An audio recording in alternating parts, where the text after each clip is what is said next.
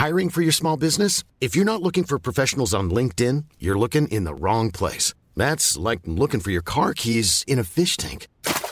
LinkedIn helps you hire professionals you can't find anywhere else, even those who aren't actively searching for a new job but might be open to the perfect role. In a given month, over 70% of LinkedIn users don't even visit other leading job sites. So start looking in the right place. With LinkedIn, you can hire professionals like a professional. Post your free job on linkedin.com slash people today. There's never been a faster or easier way to start your weight loss journey than with PlushCare. PlushCare accepts most insurance plans and gives you online access to board-certified physicians who can prescribe FDA-approved weight loss medications like Wigovi and Zepbound for those who qualify. Take charge of your health and speak with a board-certified physician about a weight loss plan that's right for you. Get started today at plushcare.com slash weight loss. That's plushcare.com slash weight loss. plushcare.com slash weightloss. Hei! Bare en liten disclaimer før vi setter i gang her. Eh, Vi kommer nemlig til skade for å kalle intervjuobjektet vårt i denne episoden for eh, Herbjørn Krokstad, når han egentlig jo heter Herbjørn Skogstad. Altså avistegneren i BA, som du skal høre fra snart. Eh, Det beklager vi selvfølgelig på forhånd, og eh, vi kommer på det underveis, da. Men vi ville bare gjøre deg oppmerksom på det at vi eh, sov litt i timen der et lite øyeblikk før vi kom til fornuft. Så god fornøyelse. Hva er forskjellen på et personangrep i en artikkel og et personangrep formet som en karikaturtegning? Og hvorfor utløser ikke avistegninger samtidig imøtegåelse? Et bilde sier tross alt mer enn 1000 ord. Det lurer vi på denne uka. Velkommen skal alle være Ja. til høstens første utsending. Ja, nå er vi litt ivrig, Ja, for nå har vi hatt litt, eh, litt grann eh, ferie, eller i hvert fall sendefri et eh, par uker. ja. For første gang har vi hatt skikkelig sommerferie, Svein Tore, så nå gleder jeg meg til å komme i gang igjen. Ja, altså Vi har jo hatt noen vil jeg si, sånne fine, artige sommerepisoder med BA-desken. For de som ikke har fått med seg det. Hvor vi har liksom hatt litt fokus på lokalavisenes uh, eh, kuriositeter. Ja, og um, I forbindelse med én av de fire episodene så fikk vi litt uh, kjeft. Egentlig bare etter den ene, da, fordi eh, det handla mye om kjendishysteriet i, i lokalpressen, og Tom Cruise kommer flyende over, eller Obama har flydd over eller ikke, og sånn. Som sikkert noen av de som jobber i lokalaviser opplevde at var litt sånn enspora fokus på, på hva de driver med. Ja, Vi hadde, har jo hatt noen episoder uten å nevne for så vidt, eller gått inn på hvor viktig eh, lokalavisene er utover at de er lokale og, det er kuriose saker og, og sånn. Og det er jo fordi veldig mange dyktige avisjournalister og redaktører gjør et fantastisk arbeid også på den gravende siden. Altså lager uh, veldig, veldig viktig journalistikk. Det var ikke vi innom. Det var Goes ikke... without saying. Ja. Men ja, det må sies noen ganger, det òg. Ja, og samtidig så har det blitt bedre, eh, og de har eh, utviklet seg, og de samarbeider flere redaksjoner for å bli sterkere og større for å kunne ha Mm. den gjennomslagskraften som, uh, som gravende uh, journalistikk krever. Så vi skal komme tilbake til det, kan Det vi si. Det skal vi. Vi har bestemt oss for det. Og så setter vi stor pris på når folk sender oss tips og lenker til relevante saker. For det, det er jo litt eh, utfordrende for oss å klare å få med oss alt eh, fra alle eh, verdenshjørner, holdt jeg på å si. Så Ja. det hjelper. Mm. Ellers eh, skal vi da ta en runde rundt bordet, da? Bør vel det. Syns Ja. vi skal sveipe raskt innom eh, noen av sommerens store saker, eh, kanskje. Jeg har jo ikke fått diskutert medier og nyheter med deg hele ferien. Nei, det, det, og det har vært så, jeg syns det har vært så mye. Eh, Det er klart det har vært mange nyhetssaker hvor journalistikken egentlig har vært, vært litt sånn som forventa. Altså de har dekket det. Mm. Og så er det andre ting som har vært stått mer ut, da. Jeg tror det har vært en, eh, en mer nyhetstung uh, sommer enn det som kanskje er vanlig. Uh, Ja, kan jeg få lov å bare begynne med en liten sånn uh, homasj til lytterne, eller hva skal man kalle det? Nei, Ja. Vi har fått et tips fra en lytter som sikkert ønsker at vi skal være gjenkjennelige på første sending, så um, eh, Jeg mener at, han, at vi ikke har vært gjenkjennelige i det siste. Nei, men eh, kanskje det har vært litt lite Dagbladet-hets? Å ja, sånn ja! Vi har ikke, vi har ikke roasta Dagbladet nok. Nei da, men eh, det var et oppsiktsvekkende Dagbladet mm, eh, eh, Altså en skjermdom fra en forside. Eh, og det syns jeg var litt morsomt. Fordi det er eh, fire saker uh, på denne skjermdumpen. Uh, ene overskriften er 'Ny analsexstudie vekker oppsikt'. Bonde vekker oppsikt. Oppsiktsvekkende planer. Uh, og altså, det er mye oppsikt. Ja, og dette er jo et ord de bruker mye, ikke bare Dagbladet. fordi oppsiktsvekkende, det er jo, det er jo per definisjon interessant, da, ikke sant? Så de bruker det. oppsikt. Vekker oppsikt. Men at, det, at alt var oppsiktsvekkende akkurat på akkurat den skjermdumpen, var artig. Ja. Men den første saken Ikke eh, så artig, da. Nei, men var en kombinasjon av noe annet de er veldig opptatt av. Har jeg sett et annet tips vi fikk? Ja. For du leste 'Ny analsexstudie vekker oppsikt'. Ja. Vi fikk et annet tics, eh, nei, Ja. tips, og da var det også. f- Tics. Tics. Og da, og da var det fem saker om anal. Ja. Så det var noen mente at de eh, hadde gått litt tilbake igjen til den, Ja, eh, det Freud kaller den anale perioden. Drøy også. Mm. Eh, sånn, altså det er mye sånn 'derfor er du utro', og 'derfor trenger du Ja, men det var altså. veldig mye anal en periode her. Ja, nei, nei, men det er vel noen i innom det som har uh, fått prøvd seg litt, da. Uh, skal vi se uh, Men vi er jo uh, Vi må jo innrømme da til denne lytteren, for vi får jo veldig ofte skjermdumper av Dagbladet fortsatt. Ja, vi men vi snakker ikke Men så vi- mye om det. det. har vi nok kanskje Gjort oss ferdig med. Nei, vi har nok kanskje Det er nok vår skyld at vi får det. Ja, det er sant. Ellers så har jo altså hvalrossen Freia. Ja. Den har preget både nyhetene og i og for seg journalistikken. Eh, noen mener jo at den type saker, som jo er helt uviktig på sett og vis, eh, nærmest eh, at det blir for dumt å bruke så mye plass på det. Eh, det har vært noe av det mest leste sakene eh, i sommer eh, i alle redaksjoner, så det er jo en grunn til at de bare fortsetter med det. Nå tror jeg han er borte hos meg. Borte, har vært borte bort ved Vollen i Asker. Ja. Eh, Men hva tenker du om denne type eh, nyhetsjournalistikk? eh, Nei, der, altså, jeg, jeg bare syns det er eh, interessant dersom man mener at enten må vi håpe å si avlive Freia, eller få henne flytta, eller noe sånt nå, så har jo medienes fokus på henne gjort alt, alle løsninger vanskeligere. For at vi har blitt så involvert Mm. gjennom mediene. Så jeg tenker sånn, jeg er veldig glad for at jeg ikke sitter og skal ta den avgjørelsen om hva som skal skje med henne hvis hun fortsetter å surre rundt i Mm. oh, ja, pollen må å skytes, ja. Må skytes. Men eh, jeg, hva jeg mener om det, det gidder jeg ikke å si her. Må skytes. Jeg, jeg er faktisk ikke sikker på hva jeg mener. Nei, der er jeg knallhard. Nei, jeg er nok mer sånn av natur at uh, hvorfor skal vi Altså, vi kan jo ikke avlive en som lever i, i, i sin verden. Ja, men Eva, hvis du hadde luska en ulv rundt på hagen din, Ja. tro- hadde vi sagt Oi, se Ja, la oss ikke noe-» begynne der. Nei. La oss ikke gå dit. Den må skytes. Ja, For da blir vi ikke ferdig med denne. Men, men eh, journalistikken rundt det eh, Jeg Litt inspirert av BA-desken, egentlig. Husker du han sa i sommer, så sa han at eh, VGs front den skal jo både være de harde nyhetene, Ja. Mm. skal være politikk, skal være eh, forbrukerstoff, skal være Men vi må ikke glemme at vi må le litt, og vi må ha, det må være gode, kuriose historier. Du skal både bli sint og le litt, og du skal liksom, Ja. det er en speiling av livet. Og da hører selvfølgelig den type saker som Ja, jo ja. Og at det er en nyhet, det er jo ikke, det er ikke tvil om det. Nei, og la oss bare gjenta nyhets, de viktigste nyhetskriteriene. Ikke sant? Eh, konflikt, vesentlighet, identitet, sensasjon og aktualitet. Ja, alt. Bortsett kanskje fra vesentlighetskriteriet, så fyller jo denne eh, Freia-saken? Det er en kjempekonflikt mellom de som bader der. Det er en, Vi kan kjenne oss igjen i det, fordi Ja, at eh, touch av liksom klimakrise-halloi. Ja, og så er det jo en sensasjon. ikke sant? Det at det er en svær hvalross som ødelegger båter og jager Søt, folk dreper svaner. Jeg har lært veldig mye om hvalrosser, jeg.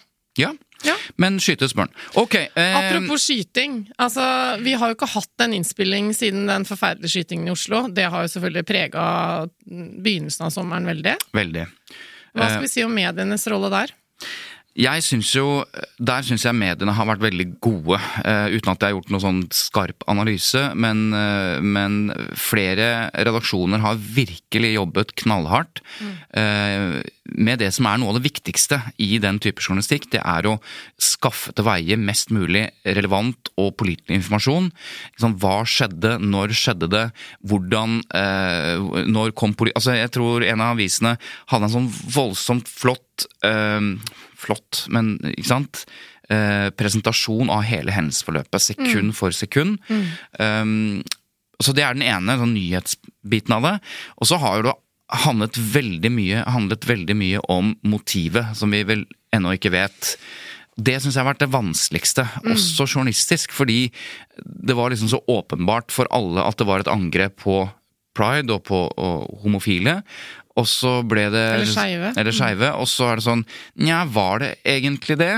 Hvordan vet vi det? Eh, Det skjedde der, og alt mulig sånn. Så, og det er jo noe av det viktigste eh, vi må eh, finne ut av, som journalistikken må også må Ja. bidra til. da. Hva Ja. var motivet for den skytingen? For det, det føler jeg er, er Ja, det er viktig, da. jeg har heller ikke noen sånn gjennomarbeidet analyse av den dekningen, men det har i hvert fall slått meg at det, det fremstår som at mediene har eh, nå hatt så mange erfaringer eh, med sånn touchy temaer, hvor både eh, utsatte grupper er involvert, og man vet ikke nok om gjerningsmannen og bakgrunnen. Man er varsom, rett og slett? At man rett og slett er eh, veldig forsiktig med hva man skriver, og hvordan man legger frem eh, ting som man ikke vet nok om. Da. Det Mm. syns jeg stort sett har vært imponerende. Apropos varsom.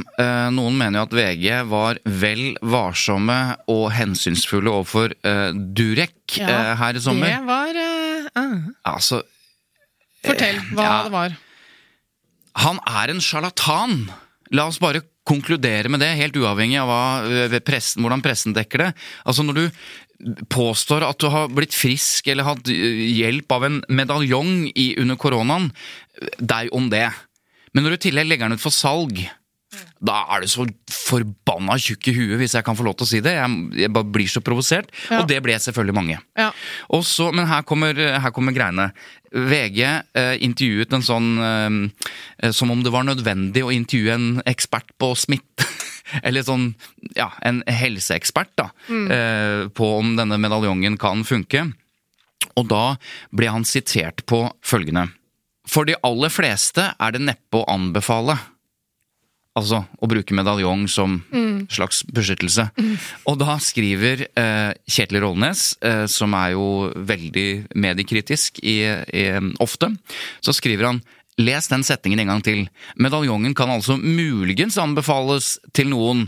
Vitenskapen har talt, og ingen blir beskyldt for verken trangsynthet eller rasisme, skriver han da. Men eh, det var jo ikke det han sa, denne eh, smittevernimmunologen. Han eh, tok kontakt da etterpå med Rollnes, eller skrev en melding til han, eller noe sånt, og så sa han nei, her er sitatet mitt. Medaljongen er ok for de som har vært farao i et tidligere liv, men anbefales ikke for andre. Og da er det sånn, hallo, hvis det var dette du sa, har VG endret sitatet, eller gjort noe med sitatet, sånn at man ikke skulle støte eller fornærme, for det var jo en eh, liksom, Ja. satirisk kommentar, mm. hvis du har vært farao. Men det kan ikke drive med. Og da ble det en stor diskusjon om hvorvidt VG har hensyntatt eller, eller øh, Og det kom en slags begrunnelse, visstnok, da, til denne, ja, det, til, eh, denne til hans fordel. Det kom Ja, en begrunnelse fra VG om at de nettopp ikke De syns ikke det sitatet, liksom. Nei. Og, det, og der, der mener jeg VG fikk, eh, fikk rimelig riktig pes, fordi de kan altså Da er vi tilbake igjen til sitatpraksisen, ikke sant? Og ikke sant? Hvor mye kan de Ja. endre på et sitat, Ja. eller ta vekk fra et sitat, eh, uten at de endrer meningsinnholdet, og skal Ja. det være ordrett det som ble sagt, osv. For dette er jo det som på folkemunne ofte kalles eh, å beskytte folk mot seg selv, som jo ikke er et riktig begrep, for det er egentlig litt mer medisinsk osv. Men, men noen ganger så faller nok mediene for fristelsen til å hjelpe et intervjuobjekt. eh, med Ja, sitatet som er ja. hjelpeløst. Eh, I denne sammenhengen så er det jo et poeng eh, nettopp å vise hvor drøye ting denne mannen kan si. Mm. Nå sier VG riktignok at de endret sitatet i saken til det vil jeg absolutt ikke, anbefale. Altså sånn Det ble helt tydelig at det ikke noen kunne bruke en medaljong. Men eh, ifølge immunologen så endret jo sitatet fordi de ikke ville støte han. Jeg vet ikke om de har bekreftet det, men, men avdelingsleder i, i VG sier at eh, de ikke traff planken i gjengivelsen av det opprinnelige sitatet. Ja. De sier det opprinnelige sitatet i saken var ikke tilstrekkelig presist, og vår gjengivelse kunne misforstås. Derfor har vi endret det, lagt det i VGs rettelogg. Um, så ja, Ja. den der var ikke helt uh, tipp topp. Ellers så har det jo vært eh, strømkrise, strømtiltak Altså Mediene hele sommeren har vært preget av det, og jeg må bare innrømme at eh, det orker jeg ikke å snakke om. Jeg er så lei. Og det kan noen andre snakke om, for det er det nok av. Ja. Kan vi bare hoppe over det? Og der har vel mediene vært på ballen også, i og for seg, så vidt jeg kan forstå. Ja. Men det er jo én sak som vi har fått Altså Av 95% av innspillene og tipsene i løpet av sommeren til oss, kan dere snakke om dette, Mm. har jo vært om en annen sak. Ja, altså Fredrik Resvik, Karianne Solbrekke Vi trenger ikke å gjengi hele det, den saken, men uh, Nei, Vi kan i hvert fall gjengi det viktigste. handler jo om at Altså to stykker som jobber i TV 2. Ja. Uh, Fredrik Resvik som uh, misbrukte sin stilling som journalist ved å true en eh, som hadde vært på Facebook med å gjøre et intervju, nærmest. Eh, fordi han hadde vært kritisk til, eh, mente Fredrik Gressvik, muslimer. Som det ikke var mulig å se at han hadde vært, og hadde tatt kontakt med arbeidsgiveren hans osv. Alt er beklaget, og alt er for så vidt ja, oppå Lagt seg flat. Ja da, alt mm. det der. Men det førte jo til at det ble stor oppmerksomhet rundt en sak som mediene har kjent til i mange år, mm. nemlig at nyhetsredaktøren i TV 2, Karianne Solbrekke, hadde en relasjon for 15-16 år siden til Arfan Bhatti. Den saken ble omtalt den gangen, men aldri identifisert. Altså, hun ble aldri identifisert. Mm. Hun ble bare omtalt som en TV 2-journalist? Ja, eller en hun ble journalist? en krimreporter også, ja. uh, tror jeg. Mm. Så, uh, og dette er jo, har jo nå også fått sin, uh, liksom, sin utløsning, på et vis, da, ikke sant? At, at der har det også blitt beklaget, og det har skjedd mye. Men, Men, Ja, grunnen til at vi ikke tar lytternes oppfordring og diskuterer den i detalj, som vi jo absolutt kunne saken. ha gjort fordi det er midt i kjernen av denne podkasten, det er rett og slett fordi vi er inhabile. Og da blir det jo litt meta, ikke sant? fordi hele diskusjonen rundt Karianne Solbrekke handlet om hvorvidt hun var habil eller inhabil eh, knyttet til vurderinger om Arfan Bhatti-saker. Eh, og vi kan ikke snakke om det fordi vi ikke er habile Nei. i den saken. Men sånn er det. Det er nedsiden eh, ved å ha den jobben eh, vi har. Eh, men vi kommer sterkere tilbake om andre type saker. Og vi kan begynne allerede nå. For hovedsaken har vi jo ikke begynt å snakke om. Nei. Nei. Samtidig imøtegåelse av karikaturer. Ja, det synes altså, jeg var kjempespennende. Et bilde sier mer enn tusen ord, og det kan det jo absolutt gjøre. Mm. For eh, det man må huske på, er jo at en karikatur, eller altså en avistegning, det er jo en kommentar. Ja, det er meningsytring og en kommentar. Ja, for saken eh, handler om at eh, det var en Fabian Stang-karikatur. Altså tidligere ordfører i Oslo, Fabian Stang, ble eh, karikert i Bergensavisen. etter at han hadde eh, Og dette er jo ikke første gangen han har diskutert hvordan Arbeiderpartiet bruker eller ikke bruker, eller diskuterer 22. juli. Mm. Så det var en ganske Ja, det var jo en veldig drøy tegning på mange måter, i hvert fall sett fra Stangs side. Nemlig en tegning av Fabian Stang foran fryktelig mange gravstener hvor det står 22. juli på. Mm. Og så er hans snakkeboble, så står det partipropaganda. Og det er jo en meningsytring fra denne tegneren, eh, som jo da åpenbart mener at eh, Fabian Stang har eh, gjort seg fullstendig bort når han mener at diskusjonen rundt 22. juli brukes som partipropaganda av Arbeiderpartiet. Mm. Og så er det da Ervin Kohn, som er forstander i Det mosaiske trossamfunnet, som da nærmest på vegne av Fabian Stang etterlyser en slags grense, etisk grense for karikaturer, og ikke bare det. Han drar opp følgende problemstillinger. Burde man ikke kunne imøtegå den type grove mm. personangrep som han mener denne tegningen er, med en samtidig imøtegåelse?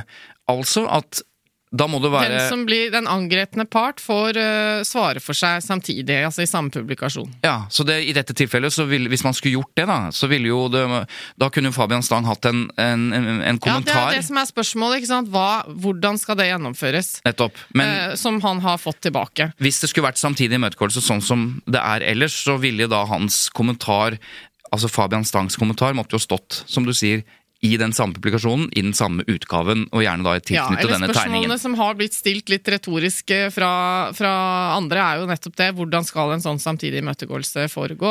Skal det være i form av en tegning? Folk er jo ikke like flinke å tegne som en karikaturtegner, osv. Ja, fordi han fikk tilsvar, så bare ta den igjen for, ja, for eventuelt nye lyttere. Samtidig imøtegåelse er, som jeg sa, eh, at eh, du får lov til å imøtegå påstander, og spesielt av faktabaserte påstander, eh, om deg selv eller din virksomhet samtidig, sånn at leseren skal kunne også få høre at uh, ikke alt nødvendigvis stemmer. Det er også en mulighet til å, til å, få sjekket om ting stemmer, sånn at man kan ta vekk ting eh, før man publiserer som er beviselig feil. Ja. Et tilsvar er jo det som kommer i ettertid. altså Noe har stått i avisen, det har vært en tegning, det har vært en kommentar, en, en nyhetsartikkel. Som du føler et behov for å svare på. Mm. Og, og et tilsvar kan du da i større grad ha rett på, fordi du har eh, blitt angrepet eh, i en artikkel. Og eh, redaktøren i Bergensavisen eh, sier jo da når han blir spurt at vi syns, det, vi syns jo, vi ser jo at dette er, et, en kraft, at det er kraftig kost. ikke sant? Det er jo en kommentar i form av en tegning som, som jo Stang bør ha muligheten til å svare på, så vi mener det utløser tilsvar, har han sagt. Så det fikk han, han fikk en kommentar dagen etter eller noen dager etter eller hva det var. Jeg har snakka med Herbjørn Krokstad, altså selve avistegneren i BA, som eh, tegnet denne karikaturen da, av Fabian Stang, og jeg spurte han om hva som var hans reaksjon på det utspillet fra Ervin Kohn om samtidig imøtegåelse på karikaturer. Jeg måtte klype meg litt i armen når jeg hørte det. Det, det tror jeg ingen aviser i den frie verden har hatt noen gang. Så det syns jeg var en helt hårreisende uttalelse fra han mm, Ervin. Det er jo en meningsytring. En eh, tegning, karikaturtegning særlig, er jo en meningsytring. Det er, det er ikke en fakta. Samtidig imøtegåelse, det, det er jo stort sett for å sjekke fakta. At det, det er riktig, det som blir skrevet. Men en eh, karikaturtegning er jo da en eh, meningsytring. Og det kan ingen imøtegå i, i vanlig mm, fri presse. Er det noen grunn til å imøtegå liksom, baktanken eh, i dette utspillet? du? Nei, det har jeg aldri opplevd. Det syns jeg er helt borti natta. Eh, vi må tåle kritikk på det vi gjør. Altså, de må gjerne kritisere oss eh, når tegninga har stått i, eh, i avisa, men å ha noen slags forhåndskritikk, eller samtidig kritikk, det, det går ikke an i norsk presse. Jeg, jeg brukte de eh, harde virkemidlene for det at jeg syns det var eh, hårreisende av han å kritisere Arbeiderpartiet for å drive politikk på det store politiske attentatet som har vært siden, i hvert fall siden krigen. Og derfor så syns jeg det var på sin plass å, å bruke de sterke virke- virkemidlene akkurat da. Jeg lagde den senga, og sjøl om den eh, var litt uh, grovkornet, så mener jeg det var på sin plass i det tilfellet. Og nå tolker eh, Fabian Stang det litt annerledes eh, enn det jeg har tenkt når jeg lager tegninger, har jeg sett. Han tolker det som at han har drevet gravskjenning. Eh, Jeg kan ikke skjønne hva han har det fra, men folk eh, tolker jo tegninger forskjellig. Det er sikkert ikke like ofte, da, men det skjer vel at dere avistegnere eh, tegner eh, ikke medievante folk fordi de er i en eller annen storm. Tenker du annerledes da? Nei, altså jeg varsler ingen. Men eh, når det er lite medievante folk som jeg skal tegne, så er jeg jo forsiktig med det. Medievante og offentlige personer, de bør tåle mye mer enn andre. Dette var da Herbjørn Krokstad, som er tegner i, i Bergensavisen. Han var ganske tydelig her, eh, Eva, når du, når du For det første var det gøy å høre han, for, for i denne Han har jo ikke uttalt seg, så vidt jeg vet. Nei, jo, Roar Hagen, som vi har hatt som gjest tidligere, som er uh, veldig jeg holdt på å si, kjent, da, avistegner i VG, han har jo diskutert saken og mange andre, men selve tegneren har ikke, har ikke gjort det, så vidt jeg har sett. og ja. bare, bare så det er helt tydelig og klart. eh, Det han snakker om, om samtidig imøtegåelse Han sier at det brukes ofte for å sjekke fakta eller for å kontrollere fakta, men bare så det er helt tydelig. De som utsettes for sterke beskyldninger, skal så vidt mulig ha adgang til samtidig imøtegåelse av faktiske opplysninger. Og det er det han litt er inne på, ikke sant, og du har snakket mye om før, at det handler ikke bare om at du mener at noen er idiot, det er ikke faktiske opply eller, eh, eller opplysninger av, av faktisk art. Men hvis noen har påstått i et intervju at du har oppført deg idiotisk i form av å gjøre noe helt konkret i et møte på jobben, eller eh, vært eh, kvinnediskriminerende eller rasist, eller ikke sant, da er jo det eh, mer faktisk, og kan imøtegås. Og ø, punktet etter det vi leste nå, er jo da det som vi snakket om som er tilsvar. At den som blir utsatt for angrep, og det er mer generelt, ikke sant. Mm. Og dette kan man si er et angrep på Fabian Stang. Så, ja, men og, det er jo et metaforisk angrep. Ja, altså, han kan jo ikke imøtegå at Han kan jo ikke f.eks. si at 'jeg har aldri stått foran en haug med gravstøtter som det står 22. juli på, og sagt eh, parti... Hva var det? ja, partipropaganda, Ja. eller ja. Ikke sant? Eh, og, og i den grad det er mulig å se for seg at noen tror det fordi de ser den tegningen, Mm. så har han jo et poeng, men det tror vel ingen.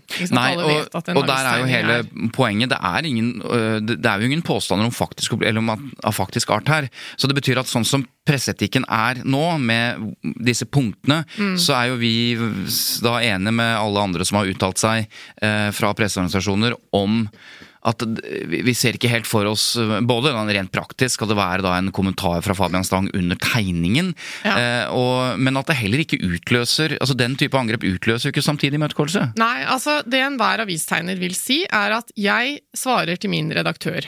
Ikke sant? Jeg svarer ikke til de jeg tegner, eller til noen andre som skal mene hva jeg skal gjøre. Det er redaktøren min som bestemmer eh, hva som skal være i avisa, også øh, rundt mine tegninger. Og så har jeg tidligere, og også nå, spurte jeg um, Herbjørn her om, eh, om han kunne komme på å ha blitt avvist noe særlig, altså fra sin egen redaktør, og det kunne han knapt huske huske at han var blitt. Fordi det er veldig stort rom, og skal være stort rom, spesielt Stor eh, på dette. takhøyde for, eh, for det som er satire og, og den type ting, som jo karikaturer er, da. Eh, Det tilhører jo sjeldenhetene at eh, karikaturer felles i Pressens faglige utvalg, eh, faktisk. Jeg Mm. har vært med å behandle flere saker om det da jeg satt der, og, og vi har vel gjort et raskt søk. Vi fant noen saker, ikke så mange, men det er jo litt sånn ulikt. Det er veldig mye reaksjoner på karikaturer som handler om eh, religion og rase og, og folkegrupper, da. Det skal sies.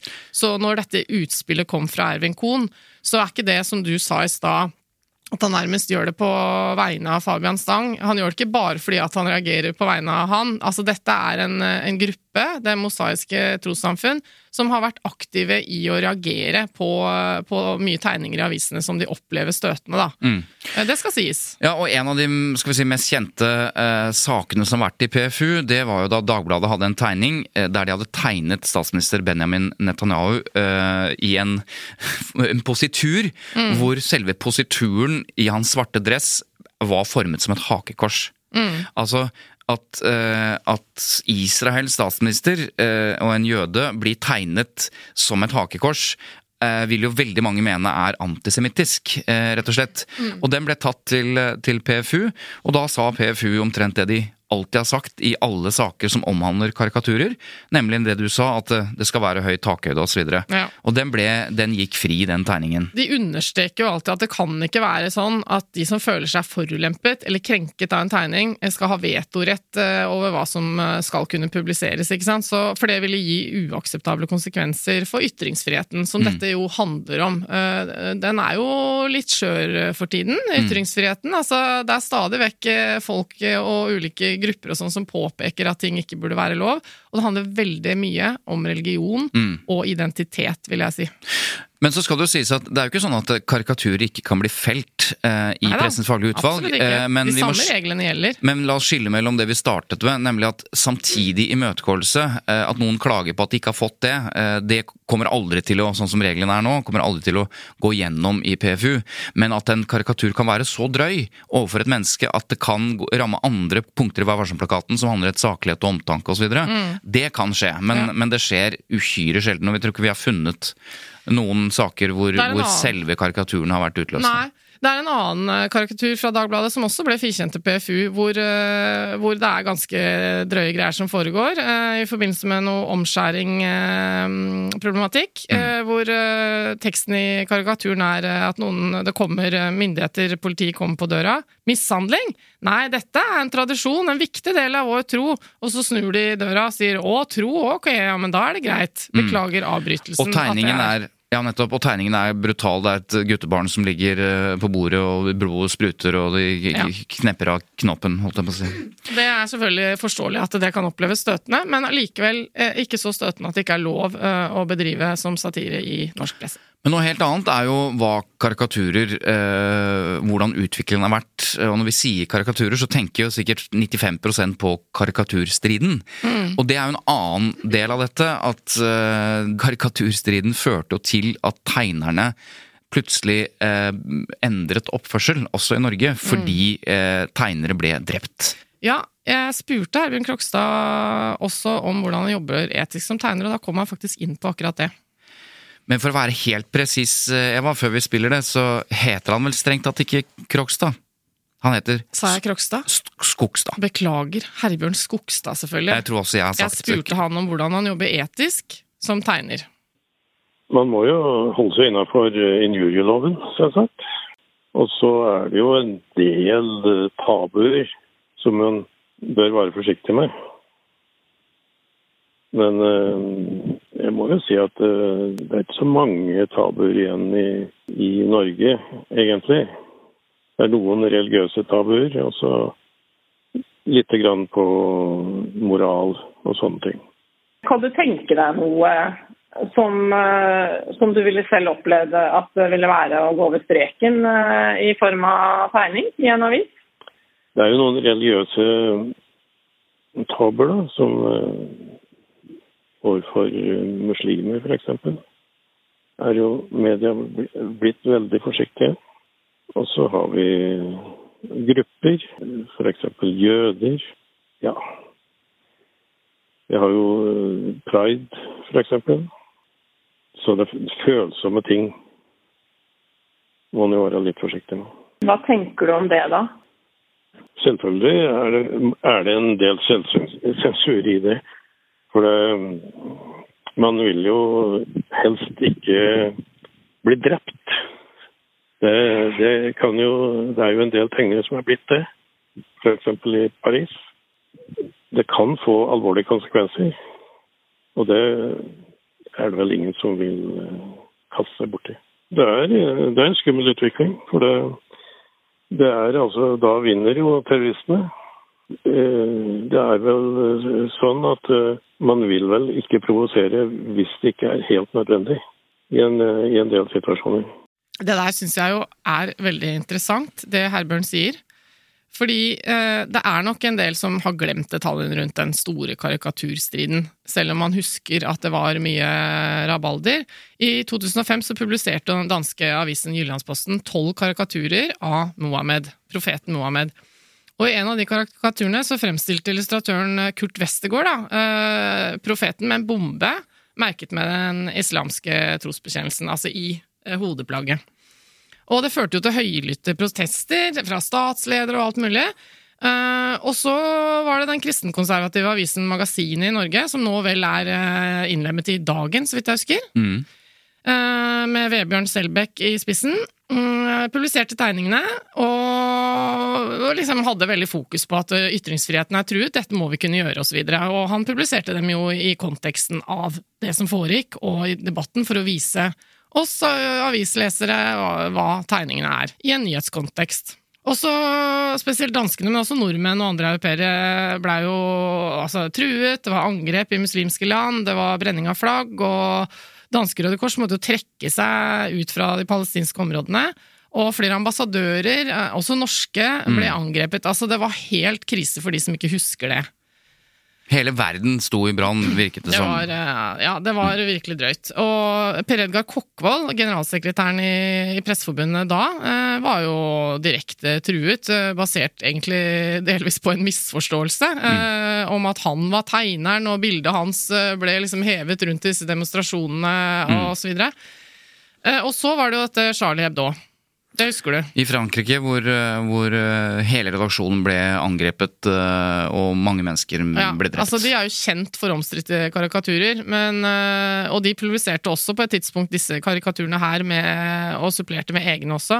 Men det var altså til slutt De har hatt masse trusler og andre ting også, men det var jo da et helt fatalt angrep hvor tolv mennesker mista livet Mm. i redaksjonslokalene der da, i Paris. Så det har vært masse uh, snakk og debatter i årevis om dette, men eh, det som Jeg skal bare si en ting, Ja. og det er at minst 160 mennesker mista livet Mm. i den fasen der, i forbindelse med karikaturene. Mm. Ikke altså, som følge av demonstrasjoner og, og den type ting. Ingen av avistegnerne ble drept i den, eh, i den fasen der, men han Kurt Westergård han eh, ble jo angrepet måtte løpe inn i sitt eget panic room hjemme, Mm. eh, som var opprettet, da, for han var jo beskytta. Eh, og dette var jo forutsett at kunne skje, Mm. og ble redda da. Han døde eh, i fjor, 86 år gammel. Eh, naturlig, altså. Ja. Han ble ikke drept, men, Mm. men det, det kunne han lett ha blitt. Eh, etterpå så har det vært mye diskusjoner rundt det, men det vår tegner, som du har snakket med, er inne på her, er jo nettopp den hva hele den striden her Mm. har gjort med eh, Som han sier, man har jo ikke lyst til å dø. Eh, Så man begrenser seg spesielt på dette området. Men det som kanskje er mer interessant, eh, for dette forstår vi jo, at dette er så betent fortsatt, men at man også begrenser seg Han nevnte noen andre eh, tema, tematikker også. Det er jo en utfordring for tegnerne og for ytringsfriheten og i det hele tatt. Ja. Altså, jeg kan forstå det veldig godt, fordi at den debatten er jo interessant. Noen mener jo at nå må vi stå på barrikadene for ytringsfriheten og vår rett til å gjøre narr av folk, rett og slett. Eh, og det er veldig prisverdig, men det er jo ikke alle enkeltpersoner som er villige til å ta den risikoen for seg selv og sin familie. Eh, og man kan jo kjenne det igjen i andre sammenhenger. at eh, For eksempel, vi har jo noen ganger diskutert eh, identitetsrelaterte temaer.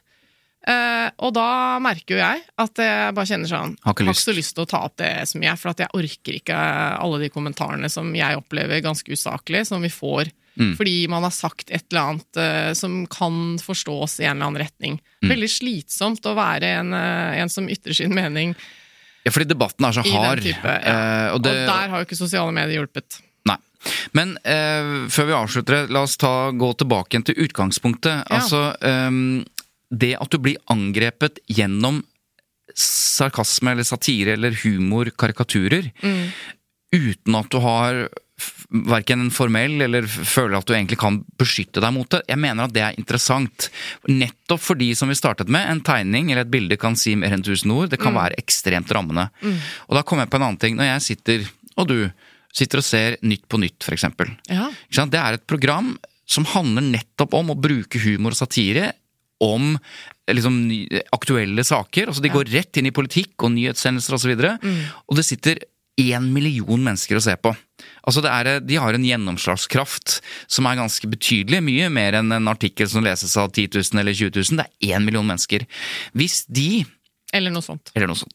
Hvis de eh, på bekostning av en eller annen politiker eller en eller annen som har vært i media, kommer med en et, et eller annet, da, humor eller spøk og så videre, så kan det virke uh, liksom ganske uskyldig. Mm. Men dersom spøken på en måte er grunnfestet i en feil, da. La oss si at de har Mm. Misforståelse. en misforståelse, eller at, at debatten rundt dette har liksom eh, vi, vi har, Du har rett og slett tatt utgangspunkt i noe som er feil, og så lager de, og så ler alle på vegne av Så, så sitter en million mennesker og tenker ja, fy faen, så tjukk i huet han er eller hun er. Og så vet du at det er faktisk ikke riktig. Du har jo ikke noe tilsvars... Eller du har, for Hva så vidt. Hvem vet at det er riktig? Hvem vet at Nei, det er du kan sitte der da som hovedperson, og så, så er spøken som en million mennesker ler av, Ja. er basert på faktafeil, eksempel, eller Ja. en misforståelse. Det var faktisk ikke sånn at sånn og sånn. Mm. Hva gjør du da? Eh, Er det en artikkel, så kan du jo bare skrive inn eh, en tilsvar, eller til og med hvis det er et eh, angrep på hva du faktisk har gjort, så kan du be om samtidig imøtegåelse. Men når Nytt på Nytt gjør det, som jeg mener har en mye større gjennomslagskraft. Ja, det er en god sammenligning. hva da, liksom? Hvordan, hvordan forsvarer du deg mot det? For du har jo ikke lyst til å være humørløs idiot heller, ikke Nei, sant? det er utrolig interessant. Eh, Altså, det som er ø, uten tvil, er jo at Nytt på Nytt er underlagt Værsom-plakaten, som alle andre Absolutt. medieprodukter. Sånn at skulle det bli sagt noe på, under programmet under opptak som, som er ganske drøyt, og som er Faktisk. faktabasert, eh, så vil jo for det første redaksjonen sjekke det hvis det er drøye ting, og hvis de da finner ut at det er feil, så vil de måtte klippe det ut. Mm. Hvis ikke så kan du klage inn til PFU og bli felt. Ja da, men hvis det handler om en altså faktafeil som er sånn Det er i Ja, hvert fall et, et feil narrativ, så, ikke sant? For ofte så, så bygger jo en kommentar eller en tegning eller en vits på en oppfatning av noe, men det blir så vagt at det er vanskelig å Mm. liksom, sende en klage til PFU av den grunn. Ja, og hvis det er pakket inn i humor, så vil jo PFU, som i alle andre sammenheng, si at det skal ha stor tak- Mm. takhøyde osv. Ja. Så min oppfordring faktisk til Nytt på Nytt-redaksjonen, hvis jeg får lov, eller andre som bruker aktuelle saker Når dere har så stor gjennomslagskraft, så må dere for pokker eh, Nå høres det ut som jeg beskylder de for å ikke gjøre det, men dere må sjekke faktagrunnlaget der. Ja. Fordi Tror kraft nok vi bruker en del krefter på det. jeg har sittet og sett Nytt på Nytt hvert år, i, hver fredag i veldig mange år. Og jeg har med kunnskap om saker som har vært Ja, i nyhetsbildet. Og det har vært veldig mange saker hvor jeg har tenkt sånn Nå er dere helt ute å kjøre. Ja. Så Nei, og- sjekk. Og jeg tror den der Hvem skal ut-oppgaven i Nytt på Nytt der er det mye som kan sammenlignes med karikaturer, tror jeg. Når Mm. de kommer med en liten sånn eh, kommentar til alle de eh, bildene. Der har jeg vært. Det er derfor jeg er så irritert. Ja. Nei da. Basert på en feil. Basert på en Du feil klaget opp. ikke til Pressens Nei. faglige utvalg? Nei. Ok, skal vi runde av med noen, eh, noen lytterspørsmål, kanskje, som har kommet uh, gjennom sommeren? Ja, la oss gjøre det. Uh, Jeg kan lese et fra Christian. Hei! I den åpne debattgruppa til Adresseavisen på Facebook har artikkelforfattere lagt ut et innlegg om pride og terroren som skjedde. Men etter noen dager har moderator slått av kommentarfeltet. Det kan jo sikkert begrunnes i mange hatkommentarer, eller at de mener at alle sider er belyst. Men et innlegg har sju kommentarer, hvor én er fra artikkelforfatter Siv Sandvik, mens det er fem andre kommentarer med negative uttalelser mot pride. Hvis de skal slå av kommentarfeltet, burde de ikke da også slette alle kommentarene som står der, når man ikke har mulighet til å kommentere videre? Skriver Ja. Christian. Det har jeg ikke tenkt på. Det er jo interessant. Ja, det er jo det. Fordi eh, det første jeg tenkte var at eh, nei, men altså, man må jo kunne la det som står, stå. Men jeg skjønner jo veldig godt poenget at dersom det da står noe som du får behov for å irettesette, kanskje til og med påpeke en feil, Mm. og så videre, så blir det jo problematisk. Så jeg spurte Kirsti Husby, som Ja. er eh, ansvarlig redaktør i Adressa. Og hun sier jo da at eh, når de stenger en debatt, så lar de kommentarer som har kommet så langt i debatten og ikke er moderert bort, stå. Ok, Så det, det er helt bevisst at de ikke gjør det. Det er ikke en Ja, feil. Det er eh, sånn som lytteren beskriver det. Dette gjør vi fordi vi ønsker at ulike synspunkt skal komme fram som svar på de innleggene vi publiserer. Det er jo hensikten med å ha debatt osv. Men eh, debatter stenges jo av ulike årsaker, skriver hun da, og noen ganger så blir de slått helt av, andre ganger i perioder. Eh, men eh, hvis innleggsforfatterne eller andre opplever at noen, noe skulle blitt svart opp, eller at debatten er stengt for godt, så har man alltid muligheten til å kontakte dem, da. Ikke sant? Men det Så- gjør jo ikke folk. Nei, Eller så det, altså jeg skjønner eh, hvordan avisen tenker her, men det er jo et poeng. Ja, jeg mener Men jeg tenker meg om. Jo, jeg mener at eh, stenger du et kommentarfelt, eh, ikke bare av den grunnen som Christian nevner, at du ikke har muligheten da å følge opp liksom det som står der, så tenker jeg da har du jo stengt av en grunn. Da, ja, da syns jeg du bare skal ta det vekk. Og jeg, bort alt. og jeg opplever at eh, at det, Jeg mener at det har skjedd flere ganger, at et kommentarfelt har blitt borte for, nettopp fordi det har vært så mye. Det, men jeg, Det er jeg jeg må innrømme på. at her har jeg ikke helt oversikt over Nei. hvordan det fremstår når det er stengt. Fordi eh, det er vel ikke mulig i Facebooks eh, grensesnitt å, å da legge ut en melding, en beskjed. Kunne man f.eks. legge ut en egen fra altså Adresseavisa, da, eh, eller Adressa som det heter, Mm. Eh, hvor det står 'vi har stengt dette kommentarfeltet', uh, og dermed tatt bort. Ja. Informert om hva som har skjedd. Det letteste det folk eller redaksjoner har skjønt gjort, man, de lar jo noen stå. Man kunne gjort det. det. Det de fleste gjør, er at har vi en sak om trans, for eksempel, så lager vi ikke noe kommentarfelt. Altså Du ser jo på veldig mange Det saker, så er det ikke noe kommentarfelt Ja. i utgangspunktet, for de vet av erfaring at dette, dette går ikke. Vi klarer ikke engang å moderere det bort, liksom, for det, er bare, det blir bare fullt av Ja. hat. Nå merka jeg at jeg blanda greiene litt. fordi at eh, jeg sitter og tenker at dette er i sosiale medier, men her snakker vi vel om et kommentarfelt i avisa, tror jeg. Ja, men det er jo ofte Ofte så er det jo Jeg husker ikke hvordan det var adressa, men du må jo gjøre det gjennom Facebook. Altså Ja. du må bruke din Facebook. Ja, nettopp. Ja, men Ja. Det er litt ulike Dette var Midtnorsk debatt, ikke sant. De har jo sånne Ja, Ja. jeg er litt usikker, men uh, prinsippspørsmålet er jo interessant. Ja. Vi har også fått et lyttespørsmål om og Her er spørsmålet. er en pressemelding å anse som et sitat, og kan sitater oversettes til andre språk?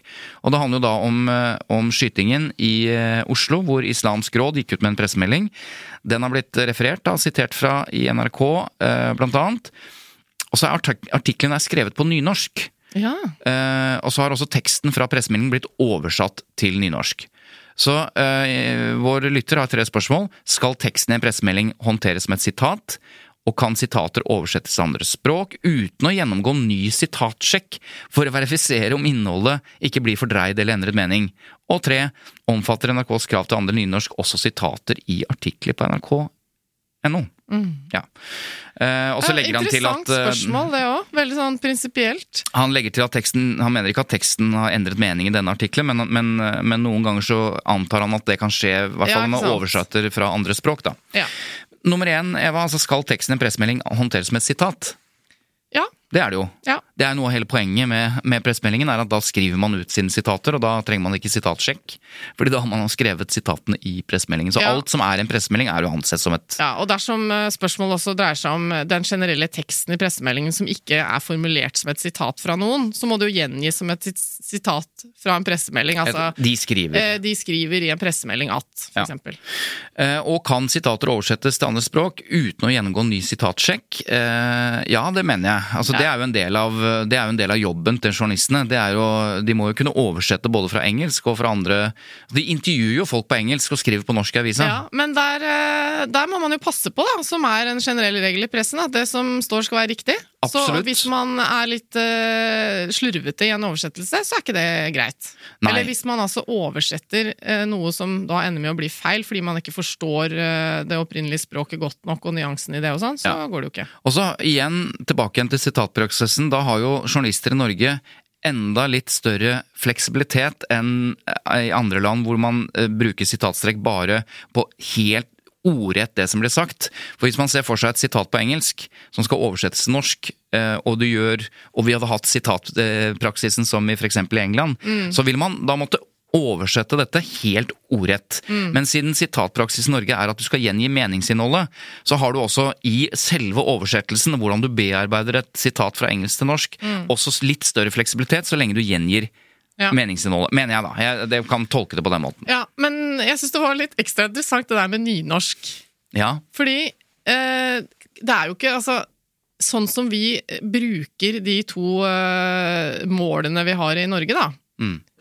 så burde det jo være sånn at eh, dersom en pressemelding eller et sitat kommer på nynorsk fordi den som uttaler seg, har det som, eh, som mål, altså bruker norsk sidemål, som det heter, så må jo det sitatet kunne stå på Ja, nynorsk. Ja, og omvendt. For Og dette, omvendt. I, I dette tilfellet er det jo omvendt. Hvor Ja. NRK, fordi de skal ha en viss antall prosentandel nynorskartikler, så har selve altså Islamsk råd har jo ikke begynt å snakke nynorsk i, i utgangspunktet, tror jeg. Hvis de ikke da har en nynorsktalende Ja, talsperson. Ja, ja. Men ja, jeg også tenker det. At, ja, eh, det, det, bør ikke det bare kunne stå som det er skrevet? Så det betyr at hvis artikkelforfatteren vil skrive artikkelen sin på nynorsk, Mm. liksom vel bekomme, men sitatet fra Islamsk råd hvis Kan det jo kom, stå på bokmål. Ja, for hvis det kom på nynorsk, så begynner jeg å lure på om de har fått en nynorsktalende talsperson. Ja, det, er det. Så det, er litt, det blir litt surrete. På en annen side, prinsipielt sett, så kan man vel også da si at hvis sitatet kom på engelsk, så skal det da bli stående på engelsk, da? Ja, det, det blir jo egentlig sammenlignbart all den tid nordmenn forstår engelsk, men ikke absolutt alle. Nei, nettopp, så der har du forskjellen. er- hjelper man til. Der har du forskjellen. Og da mener jeg konklusjonen må være at jeg mener at er det en som snakker nynorsk, og siden vi har to målføre i Norge, så bør det siteres på nynorsk. Men du bør jo ikke tillegge en bokmåltalende nynorsk aksent, holdt jeg på å si, nynorsk Ja. språk, så lenge vi forstår nynorsk. Nei, nei, fordi det der med å sitere et engelsk sitat på engelsk, det, det vil nok ikke være gjennomførbart. Nei. Tenk deg hvor ofte mediene eh, henviser til saker i utenlandske aviser. Og sånn, ikke sant? De kan ikke drive og blande. Nei, det blir så da, da, har vi, da, men da har vi konkludert, da. Engelsk og andre språk må oversettes. Ja. Men ikke lat som om talspersonen snakker nynorsk hvis han snakker bokmål. Nei, fordi alle vi har jo, dessverre eller heldigvis, eh, lært begge Ja. målene på skolen. Ja. Og vi kan ikke klage på at vi ikke forstår nynorsk. Selv om det er Nei. noen ting som kan være litt vanskeligere når man ikke har brukt nynorsk. Men hva, hva hvis noen bare velger å gi sitatet sitt på nynorsk, da? Om man ikke egentlig snakker nynorsk, bare Ja, for, da skal man jo gjengi intervjuobjektet korrekt. Ok. Det siste spørsmålet handlet da, da om, om, eh, om NRKs krav til andel nynorsk eh, gjelder også, eller omfatter, eh, sitater i artikler. Og da har vi vel i og for seg svart på det, at du kan godt kjøre Da, vi svarer jo med vår mening, da. Ja, ja, ja for, all del. Ja. Men det er klart at det er jo derfor en del kommer eh, Ja. på nynorsk, fordi de har krav eh, til det. absolutt. Sitatene-bøkene. Ok, skal vi eh, Rekker vi et eh, Nei, jeg tror vi, til? eh, vi sparer noe til neste gang, vi. Ok. Da er det jo veldig fint at du som hører på har hørt eh, helt til nå, for nå er vi jo ferdig. Da har vi hørt hele podkasten, det setter vi jo kjempepris på. Er det noe du har lyst til å si til våre kjære lyttere? Skal vi nå Ja. informere litt om hva som kommer? Altså, Vi skal jo på Arendalsuka neste uke, Svein Tore. Ja. Så vi har faktisk ikke en helt klar plan om hva, hvordan vi skal gjøre det neste uke ennå. I fjor på Arendalsuka så kom det jo en episode. Ja. Så, Da intervjua vi de to toppsjefene i NRK og TV 2. så vi kan vel ha en ambisjon om at vi må få til en episode neste uke, selv om vi jobber veldig mye der nede. Ja. Og, så det, vi prøver det. Bare sitt eh, sitrende hjemme og vent på hva som kommer. Sitt, hvis dere sånn rundt klokka tre om natta eh, begynner å liksom dra for å se når den blir oppdatert, da er du ivrig selvfølgelig, men eh, Kommer nok ikke før neste fredag i vanlig sendetid. Ja, okay. Eller vanlig publiseringstid. Da kan vi si at Lyder Produksjoner eh, holder ut med oss, så de produserer eh, Tut og Mediekjør. Hvis du Det har gjør det. Klipperen tips. vår, Simon, også. Han også. Eh, så hvis du har tips til oss, så bare send det på tut at lyderproduksjoner.no eller på Facebook og Messenger. Mm. og så høres Og Instagram. vi Og Instagram. og så høres vi forhåpentligvis igjen neste uke. Det gjør vi. Ha det! Fortsatt god sommer. Ja, det er jo kjempevarmt Ja. her i Oslo. Her i Oslo. Ha det. Og i Arendal.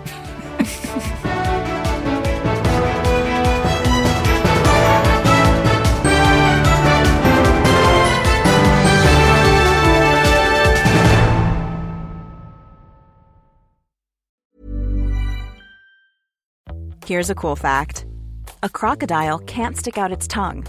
Another cool fact you can get short term health insurance for a month or just under a year in some states.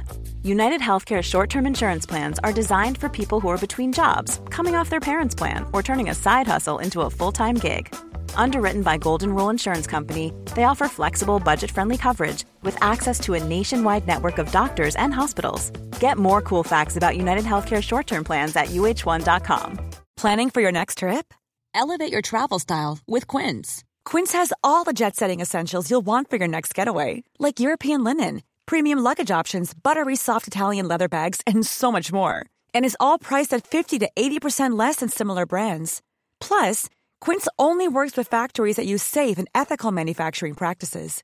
Pack your bags with high-quality essentials you'll be wearing for vacations to come with Quince. Go to quince.com slash pack for free shipping and 365-day returns.